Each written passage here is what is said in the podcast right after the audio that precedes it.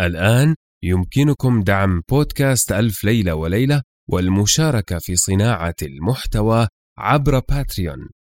الرابط موجود في وصف الحلقة. شكرا لكم شكرا دائما.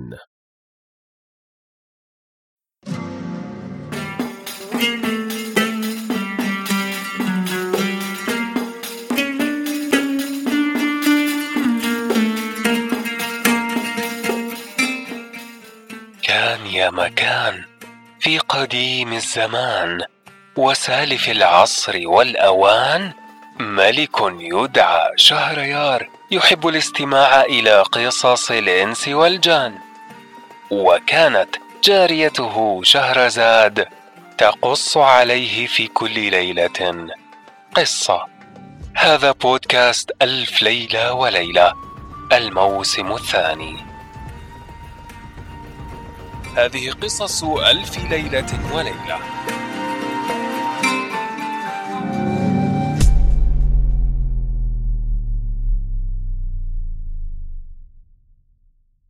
الليلة الثالثة والأربعون.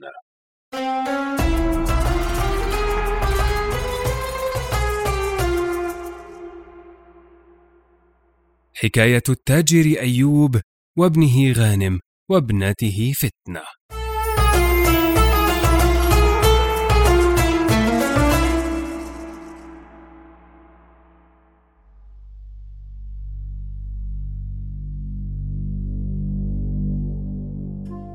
قالت بلغني أيها الملك السعيد أن قوت القلوب قالت لهما لا تحزنا ثم أمرت العريف أن يأخذهما إلى بيته ويخلي زوجته تدخلهما الحمام وتلبسهما ثيابا حسنه وتكرمهما غاية الإكرام وأعطته جملة من المال.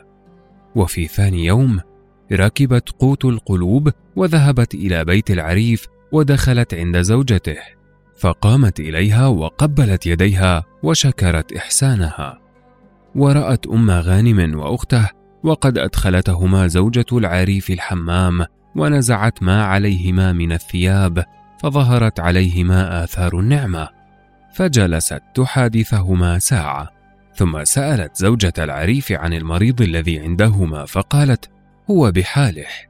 فقالت قوموا بنا نطل عليه ونعوده. فقامت هي وزوجة العريف وأم غانم وأخته ودخلن عليه وجلسن عنده.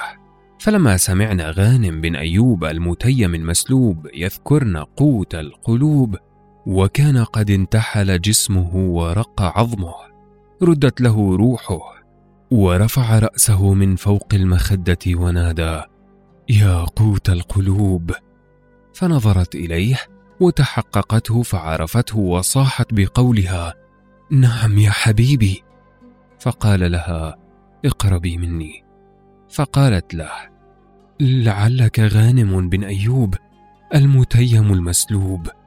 فقال لها نعم أنا إياه. فعند ذلك وقعت مغشيا عليها.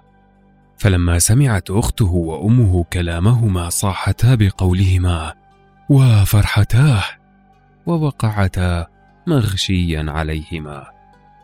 وبعد ذلك استفاقوا. فقالت له قوت القلوب الحمد لله الذي جمع شملنا بك وبأمك وأختك وتقدمت إليه وحكت له جميع ما جرى لها مع الخليفة وقالت إني قلت له قد أظهرت لك الحق يا أمير المؤمنين فصدق كلامي ورضي عنك وهو اليوم يتمنى أن يراك. ثم قالت لغانم إن الخليفة وهبني لك. ففرح بذلك غاية الفرح. فقالت لهم قوت القلوب لا تبرحوا حتى أحضر. ثم إنها قامت من وقتها وساعتها وانطلقت إلى قصرها وحملت الصندوق الذي أخذته من داره وأخرجت منه دنانير وأعطت العريف إياها وقالت له خذ هذه الدنانير واشتري لكل شخص منهم أربع بدلات كوامل من أحسن القماش وعشرين منديلا وغير ذلك مما يحتاجون إليه. ثم إنها دخلت بهما وبغانم الحمام وأمرت بغسلهم وعملت لهم المساليق وماء الخولنجان وماء التفاح بعد أن خرجوا من الحمام. ولبسوا الثياب وأقامت عندهم ثلاثة أيام وهي تطعمهم لحم الدجاج والمساليق وتسقيهم السكر المكرر.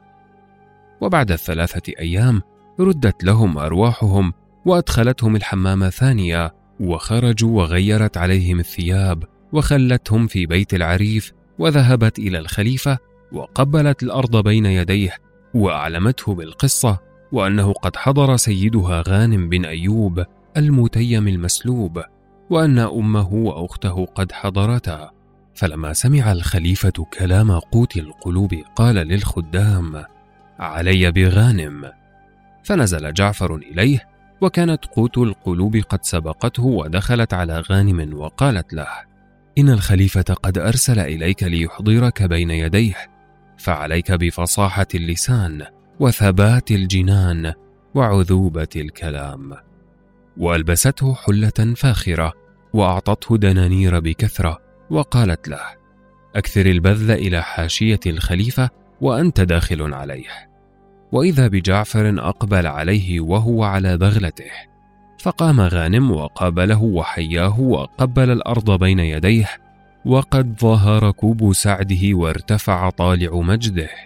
فأخذه جعفر ولم يزالا سائرين حتى دخلا على أمير المؤمنين.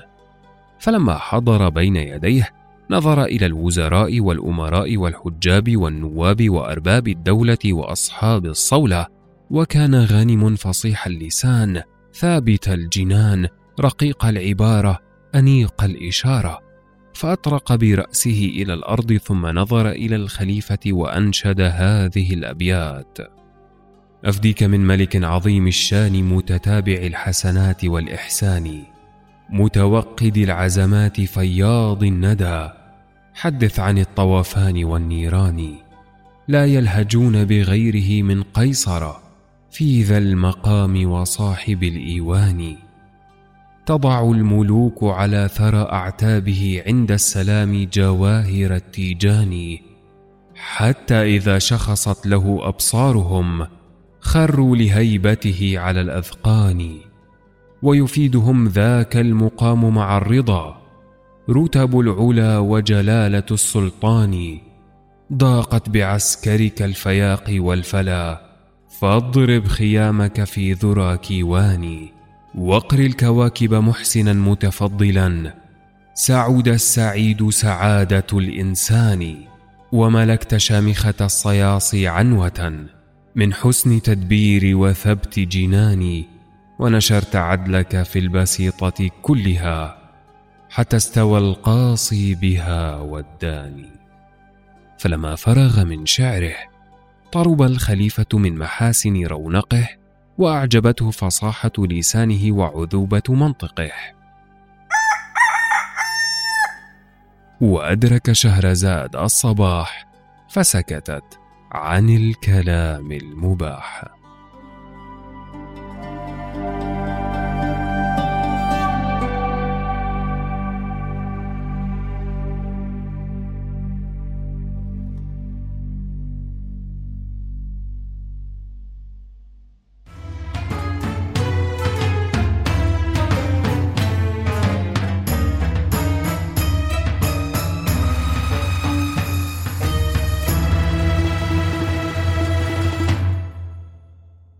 أنا نزار الحمود معكم في قراءة الليالي. لا تنسوا مشاركة الليالي مع من تظنون أنهم سيحبون ذلك. شكرا لكم، شكرا دائما.